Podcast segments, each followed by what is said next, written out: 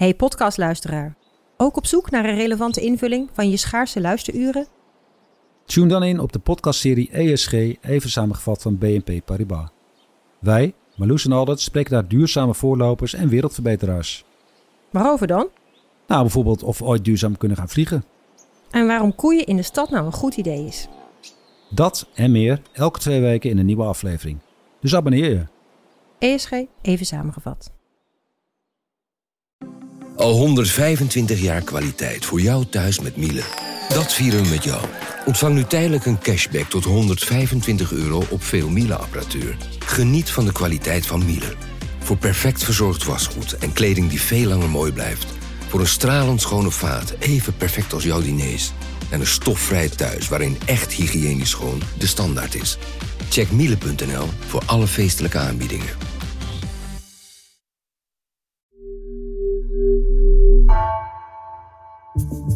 Vanaf de redactie van NRC, deel 1 van een tweeluik. Mijn naam is Egbert Kalsen.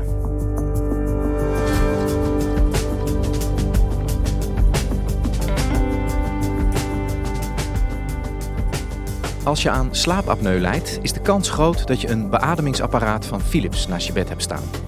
Jarenlang leverde dit apparaat het bedrijf heel veel geld op, terwijl intern al bekend was dat er iets grondig mis was met deze Dreamstation. Jet Schouten deed samen met Marijn Rengers een jaar lang onderzoek en zij legt uit hoe Philips, willens en wetens, het apparaat toch op de markt hield.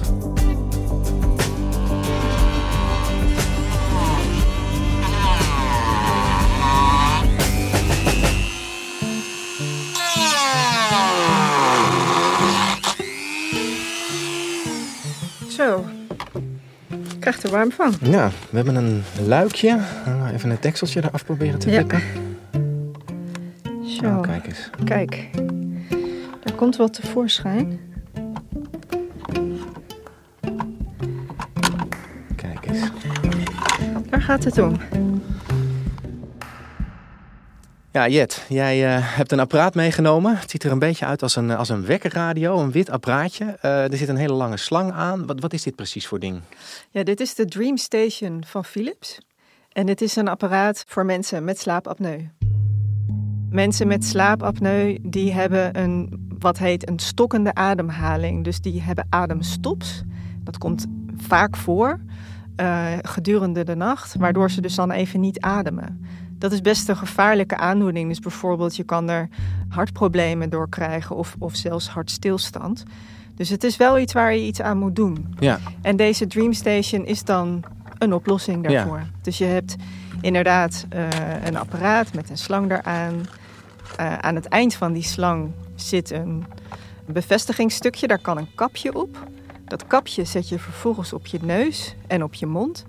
S'avonds als je gaat slapen zet je die op je hoofd. En dan is het de bedoeling dat je lekker gaat slapen.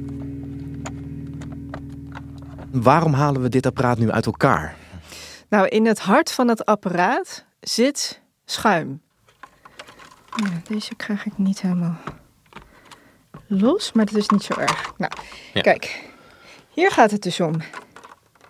Zie je? Ja, we zien nu een plastic behuizing, nog netjes afgedekt. En Ja. daar binnenin een donkerkleurig schuim. Ja, dit is het zwarte peperschuim. Dat is gemaakt van polyester. En dat is de boosdoener. Ja. Kunnen we dat schuim ook nog meer vrijmaken? Kunnen we dat zien, hoe dat eruit ziet? Laten we proberen. Ja. Ik pak mijn dremel. Ja, dan zet ik mijn bril op. Ready? Ja.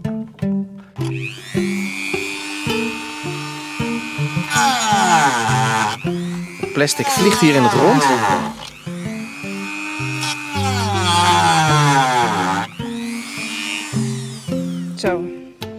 Nou, ik heb een behoorlijk gat gemaakt. Even mijn bril af. Zoals je ziet komt hier het schuim vrij. Ja. Dit is dus het polyesterschuim waar het allemaal om te doen is. Een polyester daarvan is bekend dat het uit elkaar valt in hitte en in vocht. Dus bij, eh, bij vochtige en, en warme omstandigheden dan, ja, dan verkruimelt dat sch- eh, zwarte schuim. Je kunt je voorstellen dat als je het aanzet en er komt lucht de hele tijd door en over het schuim. En je ademt dat zo in, dat er stukjes kunnen meekomen. Ja. Zo. Haal ik de voorkant los. Nou, er zitten ook nog schroefjes. Zo, ik ga proberen om het een beetje los te frikken. Ja, daar is het een eh, zwart schuim, een beetje open van structuur zo te zien. Hè? Wat, wat gaatjes erin. Twee halve maanden zeg maar qua vorm. Ja, En hebben ze een medische functie? nou, de functie van het schuim is als volgt. Je ziet hier een motor Mhm, die de lucht blaast. mhm. Oorspronkelijk was dit een stofzuigermotor waar ze de luchtrichting van veranderd hebben. Ja, Philips. Ja. Ja. Dus wat hebben ze gedaan? Ze hebben eh, ja, een, een- motortje bedacht wat lucht blaast in plaats van stofzuigt.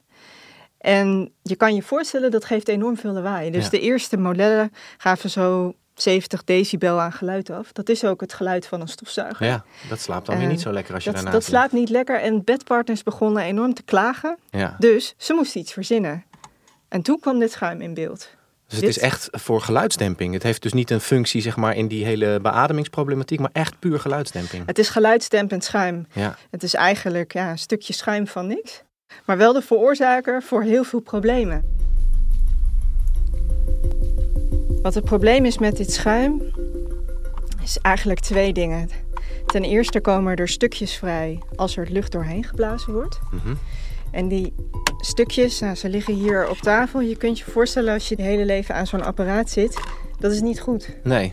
Die stukjes die krijg je in je longen, die kunnen schade aanrichten. Dus dat is probleem 1. Het tweede probleem met het schuim is dat er eh, chemische gassen uit vrijkomen. Onder andere formaldehyde. Dat is een bekende giftige stof. En een andere stof die eruit vrijkomt die gemeten is, is diethylenglycol. Dat is een stof die gebruikt wordt in bijvoorbeeld remvloeistof en eh, behangafbijtmiddel. Het is Oh. een oplosmiddel. Ja. Wil je ook niet inademen. Want en dat, heeft allemaal dat is allemaal gerelateerd aan dat schuim. Dat zit in het schuim. Ja. En door de lucht die er doorheen wordt geblazen, adem je die gassen ook in. Dus als ik zo'n masker opzet, omdat ik last heb van eh, stokkende adem tijdens mijn slaap, dan helpt dat apparaat mij misschien op dat vlak wel, maar verder adem ik dus ook gewoon gif in. Ja, dat, dat klopt. En veel gebruikers van het apparaat hebben daar naar eigen zeggen ook eh, schade door opgelopen. En die melden klachten. En ik heb samen met Marijn Rengers het afgelopen jaar onderzocht wat Philips hiervan wist en wanneer ze dat wisten. En vervolgens, wat hebben ze dan gedaan met die kennis? Dat onderzoek hebben we gedaan in een Amerikaanse database waar klachten worden bijgehouden over deze apparaten. En dat was nodig omdat we in Nederland en in Europa hebben we eigenlijk niet zo'n soortgelijke database. Hier speelt het ook, maar omdat in Amerika die gegevens openbaar zijn en daar ook de meeste gebruikers van deze DreamStation eh, zijn, was dat een logische plek. En als je dan kijkt in die database, dan blijkt dat Philips niet alleen jarenlang klachten niet heeft gemeld, achtergehouden, verzwegen, maar op verschillende momenten in de tijd had Philips kunnen ingrijpen, maar dat doen ze niet. Ja, Jet, we moeten denk ik heel even, even de geschiedenis induiken. Hoe, hoe lang bestaat dit apparaat al? Wanneer heeft Philips dit in de markt gezet? Ja, het is een apparaat dat niet door Philips zelf is ontwikkeld. Dat is belangrijk om te weten. Het is ontwikkeld door het bedrijf Respironics. En dat is van oorsprong een Amerikaans bedrijf dat in Pittsburgh is gevestigd. Respironics Incorporated designs, manufactures, and markets patient ventilation medical products. Innovative products that help people breathe in homes, hospitals, and emergency medical situations all over the world. Het doet het ontzettend goed. Uh, is samen met een andere fabrikant eigenlijk marktleider als het gaat om deze apparaten. En Philips ziet dat en denkt dat is interessant. Daar kunnen we geld mee verdienen. En ze kopen het bedrijf op. Dat begint in 2007. En in 2008 is dus het moment dat die overname compleet is. Uh, dan wordt het uh, Philips Respironics. En wij zien de eerste klachten in de Amerikaanse database vanaf 2010. Dat is het moment dat de klachten heel langzaam oplopen over deze apparaten. En dat blijven ze jarenlang doen, tot op de dag van vandaag. Ja, hey, en aan wat voor klachten moet ik dan denken? Waar komen mensen mee die dit apparaat gebruiken? Ja, ik kan het je wel eventjes laten zien. Kijk, dit is de. Ik zal het er even bij pakken. Dit is die database van de Amerikaanse toezichthouder, de FDA. Um, je hebt eigenlijk drie categorieën in die meldingen. Je hebt de malfunctions, die gaan over het slecht functioneren van het product. Je hebt injury, dat gaat over letsel. En dan heb je death. Die is vrij duidelijk, dat zijn de sterfgevallen. Er zijn ruim 100.000 klachten die we hebben gevonden die gaan over de apparaten waar we het nu over hebben. En het merendeel gaat over malfunctions. Ongeveer 30% van de meldingen, daarin zie je dat er gezondheidsklachten worden gemeld. En dat kan van alles zijn. Um, we hebben ze geteld en er wordt ongeveer 2000 keer melding gemaakt van kanker. Er wordt 600 keer melding gedaan van een nier- of een leveraandoening. En er wordt 17.000 keer melding gedaan van een, ja, een bepaald luchtwegprobleem. En dan moet je denken aan kortademigheid, aan astma, aan pijn op de borst of een luchtweginfectie. Ja, en de veronderstelling is dat dat te maken heeft met dat apparaat.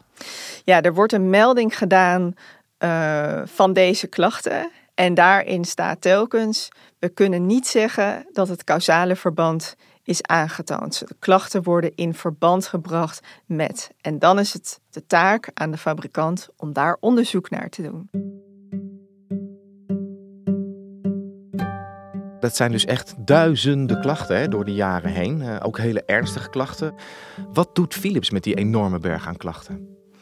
Ja, daarvoor moet je een beetje weten hoe het systeem werkt. De klachten komen binnen bij uh, de Philips-tak in Pittsburgh. De minder ernstige klachten, ja, daar hoeven ze niet zo heel erg veel mee te doen. Maar als er een mogelijke relatie kan zijn dat er schade voor de patiënt kan optreden, dan moeten ze dat melden bij de toezichthouder. En je bent dus eigenlijk afhankelijk als toezichthouder van die fabrikant die jou die meldingen doorgeeft. Het is een systeem dat draait om vertrouwen. Ja, dat lijkt me best ingewikkeld op het moment dat degene die de klachten moet doorgeven ook zeg maar, economisch afhankelijk is van het apparaat wat hij verkoopt. Dat is inderdaad precies wat zo lastig is hier. Philips moet zelf onderzoek doen, moet zelf de klachten doorgeven, maar moet ook zeggen: Goh, ja, eigenlijk zien we hier een probleem. En dat wil je natuurlijk liever niet als fabrikant, want uh, dat betekent dat je misschien het product van de markt moet gaan halen. En dat betekent verlies van inkomsten en marktaandeel. Dus ja, dat, dat willen ze ten alle tijden voorkomen. En we zien eigenlijk dat er ook heel veel klachten niet zijn doorgegeven aan de Amerikaanse toezichthouder. En we hebben gezien dat er in deze hele berg die ik je net heb laten zien, al die klachten, we meer dan 3700 klachten ontdekt die te laat zijn doorgegeven aan de toezichthouder. We hebben ze op een tijdlijn gezet en de eerste klacht is dan al uit 2010, maar die wordt pas 11 jaar na dato doorgegeven bij de Amerikaanse toezichthouder. Dus, dus Philips meldt een aantal van die klachten uh, niet, in ieder geval bij de toezichthouder, terwijl ze dat wel zouden moeten doen. Hebben jullie kunnen achterhalen wat ze daar intern mee doen met al die meldingen? er zijn een aantal momenten aan te wijzen, een paar cruciale momenten waar Philips een andere afslag bijvoorbeeld had kunnen nemen. En zo'n moment is bijvoorbeeld 2016. Dan gaan ze zelf onderzoek doen en dan zien ze dat het schuim uit elkaar valt. Dat er eigenlijk een ander type schuim is, wat beter bestand is tegen hitte en vocht. Maar ze besluiten om dat schuim, dat andere schuim dat beter uit de test komt, om dat niet te gebruiken. Dan is er nog een e-mail van uh, Philips die gaat mailen met de leverancier van het schuim. En dan zegt de leverancier: Ja, we, we hebben ander schuim. Willen jullie dat? Want het schuim wat jullie gebruiken, dat valt binnen een jaar uit elkaar. Nou, dat is ook zo'n moment. Dat gebeurt ook niet. Nou, en dan zie je eigenlijk in de tijd dat er klachten gaan oplopen. 2016, 17, 18 lopen de klachten intern. Dus je ziet ze nog niet, maar uh, in de interne klachtendatabase lopen ze op. En Philips geeft op dat moment die klachten nog niet door aan de toezichthouder. Maar dan komen er klachten binnen uit Australië. En Australië heeft ook een openbare database. En als het openbaar is, is het zichtbaar. En moet je dus in ieder geval verantwoorden wat je ermee gedaan hebt. En dat zijn klachten die ook gaan over grote brokken eh, schuim die afbrokkelen. En uh, er wordt ook gesproken van de slechte staat van het schuim. Nou ja, en dan wordt er in 2018 een groep samengesteld binnen Philips die bijeen gaan komen elke donderdag om te bespreken wat ze daar moeten doen. Moeten ze bijvoorbeeld een terugroepactie gaan aankondigen? Of uh, zijn er misschien andere mogelijkheden? Nou ja, en dan komen ze weer tot de conclusie: nou ja, het, valt nog wel mee. We, we, we, hebben het, we hebben er naar gekeken en we gaan nog geen terugroepactie doen. Nou ja, in 2018 is ook een moment dat een engineer van Philips zelf naar de schuimleverancier uh, weer gaat mailen. Hij stuurt ook een hele grote foto mee met, het, met de bak van het apparaat waarin je zwarte prut ziet. En dan zegt hij, ja kijk, wij hebben deze foto's binnengekregen. En zoals je je kan voorstellen, is dit geen goede situatie voor onze gebruikers. Dan is het toch echt wel heel erg duidelijk dat het in ieder geval zichtbaar is. Dat ze weten dat het probleem in het hart van het apparaat zit. Dus, dus bij Philips zelf zijn ze er inmiddels eigenlijk van overtuigd dat dat schuim ondeugdelijk is, zou je kunnen zeggen. Ze sturen zelfs foto's naar de, naar de leverancier van dat schuim. En in de tussentijd blijven zij maar doorgaan met dat apparaat maken. En zij, zij nemen zelf niet. Ik bedoel, het lijkt niet in ze op te komen dat ze dan uh, ook moeten zorgen dat hun, dat hun klanten daar niet meer mee geconfronteerd worden. Hoe kan dat? Ja, dat is een vraag waar wij zelf ook mee zitten. Ik denk dat een, een kantelpunt in 2019 komt. Dat is het moment dat de uh, klachten verdubbeld zijn ten opzichte van het jaar daarvoor. En dan zie je eigenlijk dat ze testen gaan doen op het schuim. En ze vinden dan um, dat er formaldehyde uit het schuim komt. Dat is een, een kankerverwekkende stof uh, die fataal kan zijn als je die inhaleert. Maar dan wordt het 2020 en dat is het jaar dat COVID losbarst.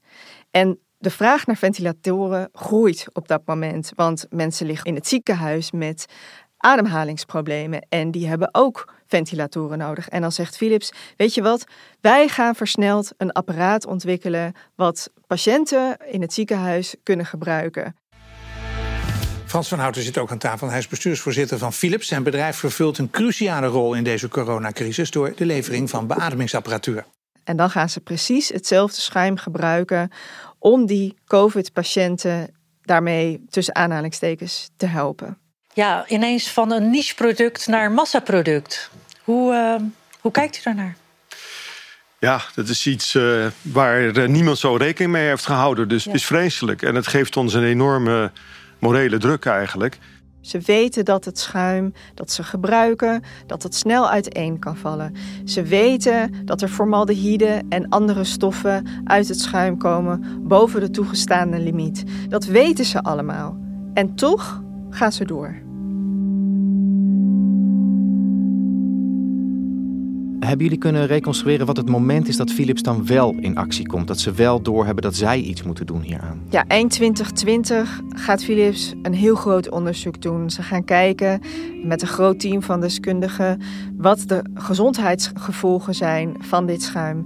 En dan zien ze dat het desastreus kan zijn. Ze zien namelijk dat het schuim kan leiden tot cellulaire DNA-mutaties, staat in dat onderzoek. En tot ongecontroleerde celdeling. Nou, dat kan mogelijk kanker zijn. Uiteindelijk is dat onderzoek in april 2021 gereed. Um, en dan onderaan de streep van dat onderzoek blijft er maar één conclusie over. De risico's op de gezondheidsproblemen bij patiënten worden geclassificeerd als in hoofdletters onacceptabel onacceptabel, zegt Philips zelf. Wat, wat, wat gaat er dan gebeuren? Dan nemen ze dat apparaat uit de, uit de handel? Hoe, hoe, hoe ziet dat eruit? Ja, dat zou je inderdaad verwachten. Maar het is dan april 2021 en dan lanceren ze hun nieuwe Dreamstation, de Dreamstation 2.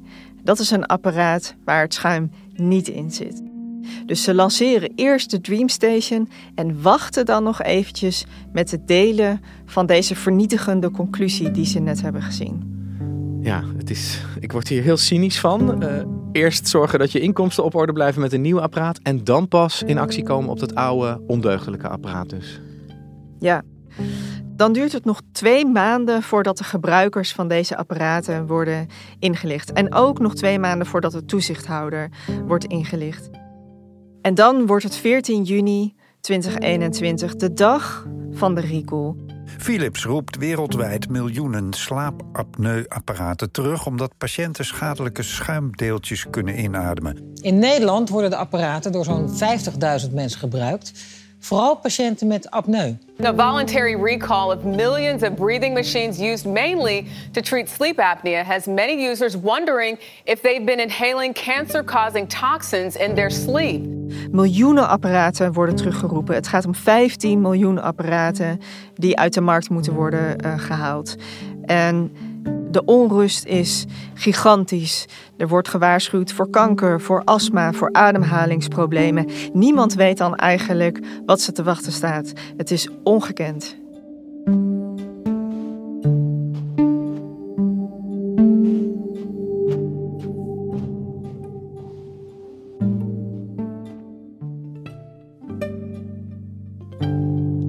Je luisterde naar het eerste deel van een tweeluik. Deze aflevering werd gemaakt door Anna Korterink en Jeppe van Kesteren. Dit was vandaag, morgen deel 2.